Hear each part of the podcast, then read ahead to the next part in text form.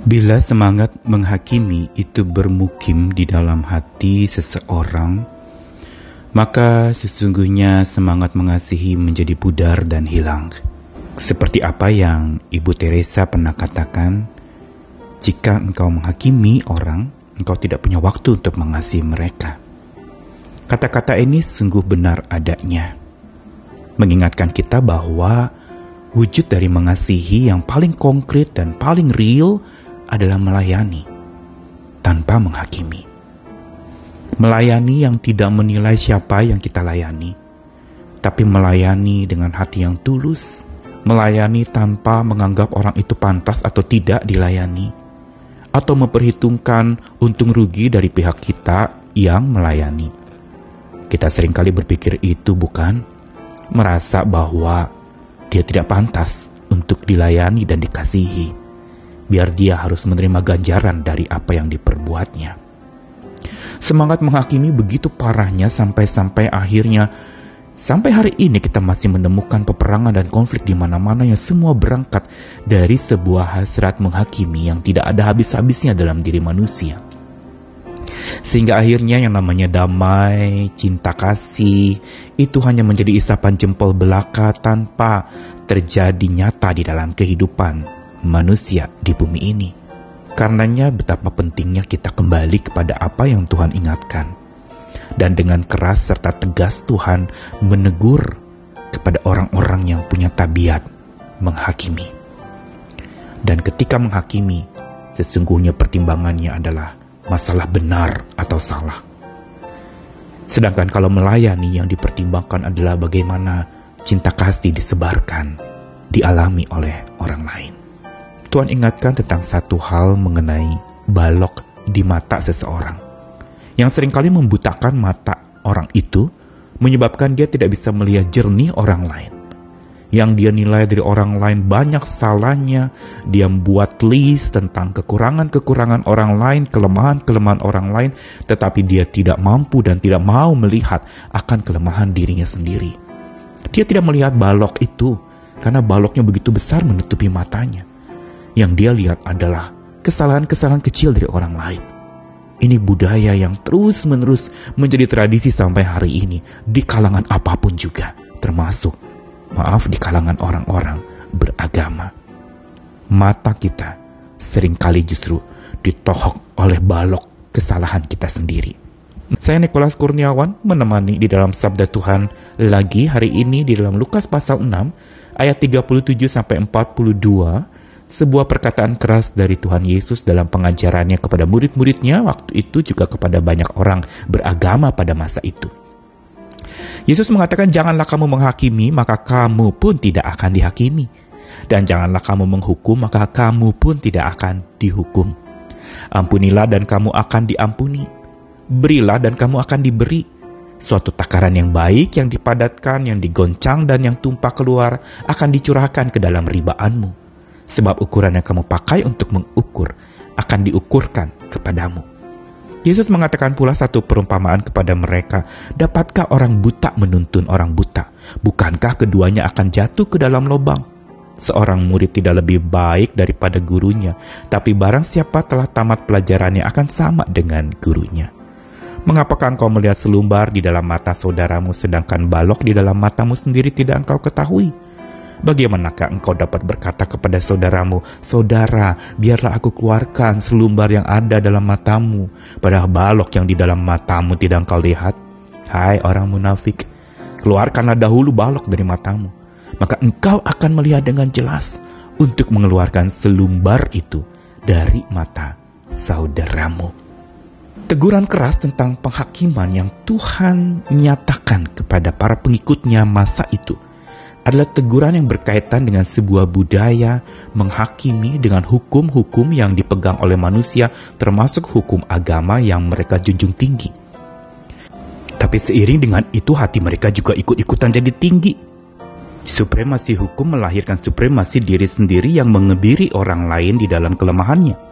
Karenanya penyakit menghakimi ini menjadi menggerogoti orang-orang beragama pada waktu itu dan juga orang-orang yang percaya kepada Tuhan sekalipun. Sehingga Tuhan dengan tegas mengatakan jangan kamu menghakimi. maka kamu tidak akan dihakimi. Tuhan mengingatkan ini untuk kita justru lebih banyak melakukan ampunilah dan kamu akan diampuni. Apa yang Tuhan ajarkan mau mengingatkan kepada setiap kita untuk supaya kita berhenti menghakimi. Kenapa demikian? Apakah salah kalau kita menilai orang lain? Tidak ada salahnya, tetapi Tuhan tahu mekanismenya dan Tuhan ajarkan prosedurnya. Jangan dulu lihat kesalahan orang lain. Jangan dulu dengan baik mengatakan, biarlah aku keluarkan selumbar yang ada dalam matamu. Tuhan ingin justru kita melihat dulu kepada diri sendiri. Tanpa menjadi egois, tanpa memikirkan diri sendiri, tetapi justru dengan mata terbuka, kita memimpin orang itu yang buta di dalam kesalahannya. Tetapi yang Yesus katakan adalah, dapatkah orang buta menuntun orang buta? Yesus mau menyamakan orang-orang yang menghakimi itu, matanya dibutakan. Dibutakan oleh kesalahannya sendiri sehingga dengan kesalahannya sendiri, dia lalu menghakimi kesalahan orang lain. Ironis kan? Sekaligus tragis. Dan dikatakan bukankah keduanya orang buta itu akan jatuh ke dalam lubang? Tuhan ingin mengatakan bahwa sebelum engkau tuntun orang buta, dibantu untuk bisa berjalan supaya tidak tersesat dan tidak jatuh ke dalam lubang, matamu dulu bersihkan. Celik dulu matamu baru kamu menuntun orang yang buta. Jangan kamu masih buta dengan kesalahanmu, tapi kamu membuka-buka kesalahan orang lain, memamerkannya bahkan ke banyak orang dengan mengatakan kamu harus bertobat padahal dirimu sendirilah yang harusnya bertobat. Apa yang diajarkan oleh Yesus ini adalah sesuatu yang sebenarnya sederhana, tetapi ini justru menggambarkan sesuatu yang sangat berbahaya sampai Yesus mengatakan, Hai orang munafik, hipokrites, orang yang bertopeng, orang yang menganggap dirinya itu begitu baik. Bukankah ini yang terjadi? Orang-orang yang merasa hidupnya elok, tetapi tidak kapok-kapoknya menohok atau menusuk orang yang hidupnya belok. Dia pikir saya ada di jalan lurus, dia mah belok, dia mah menyimpang, dia masalah. Dia mah orang bermasalah, kita sering sebut begitu kan? Troublemaker kita nilai orang begitu kan? Apalagi kalau kita memilih tokoh-tokoh untuk menjadi pemimpin di rumah ibadah. Wah kita pilih orang yang sempurna yang lurus hidupnya dong yang baik-baik reputasinya oke di mata orang. Padahal siapa sih orang yang sempurna? Tidak ada setiap kita punya sisi beloknya masing-masing. Punya sisi penyimpangan masing-masing yang hanya masalahnya sadar atau tidak sadar kita menyimpang. Tuhan ingatkan hari ini. Seringkali kita dibutakan oleh balok kesalahan kita sendiri. Karenanya Tuhan mengatakan, singkirkan, keluarkan dulu balok dari matamu, supaya engkau bisa melihat dengan jelas selumbar di mata saudaramu. Hari ini mari kita periksa balok-balok apa dalam dirimu yang sebenarnya sedang menohokmu tapi engkau tidak sadar. Saking sudah begitu dikebalkan oleh segala macam ibadah-ibadah atau keagamaanmu. Engkau sedang ditohok oleh balok kesalahanmu sendiri tapi engkau nggak sadar kalau engkau salah. Yang kau lihat salahnya orang lain. Yang kau lihat kelemahan orang lain. Tapi salah dan lemah diri sendiri. Engkau tidak bisa lihat. Bukan tidak bisa lihat saja, tidak mau lihat. Kita dibutakan oleh balok salah kita sendiri dan kita tidak mau tengok salah kita sendiri. Padahal kita tidak lebih baik dari orang lain. Karenanya mari budaya introspeksi perlu kita bangun. Budaya untuk kita bisa menilai, berdoa Tuhan, selidikilah aku. Lihatlah aku, apakah jalanku lurus atau menyimpang, apakah belok daripadamu. Ingat setiap kita mudah belok, setiap kita mudah menyimpang. Mari pelajaran hari ini mau ingatkan kepada kita untuk supaya Ayo singkirkan balok. Periksa salah dan lemah diri sendiri sebelum melihat salah dan lemah orang lain. Banyak orang merasa hidupnya elok, tapi tidak kapok menohok orang yang hidupnya belok. Padahal dia sedang dibutakan balok salahnya sendiri yang tidak mau ia tengok. Mari tengoklah balok di matamu dan keluar karena itu bertobatlah dan akuilah di hadapan Tuhan.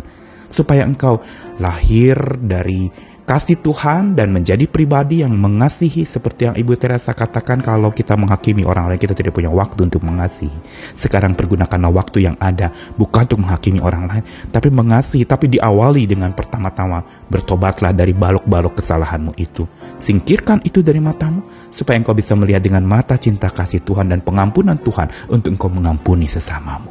Amin.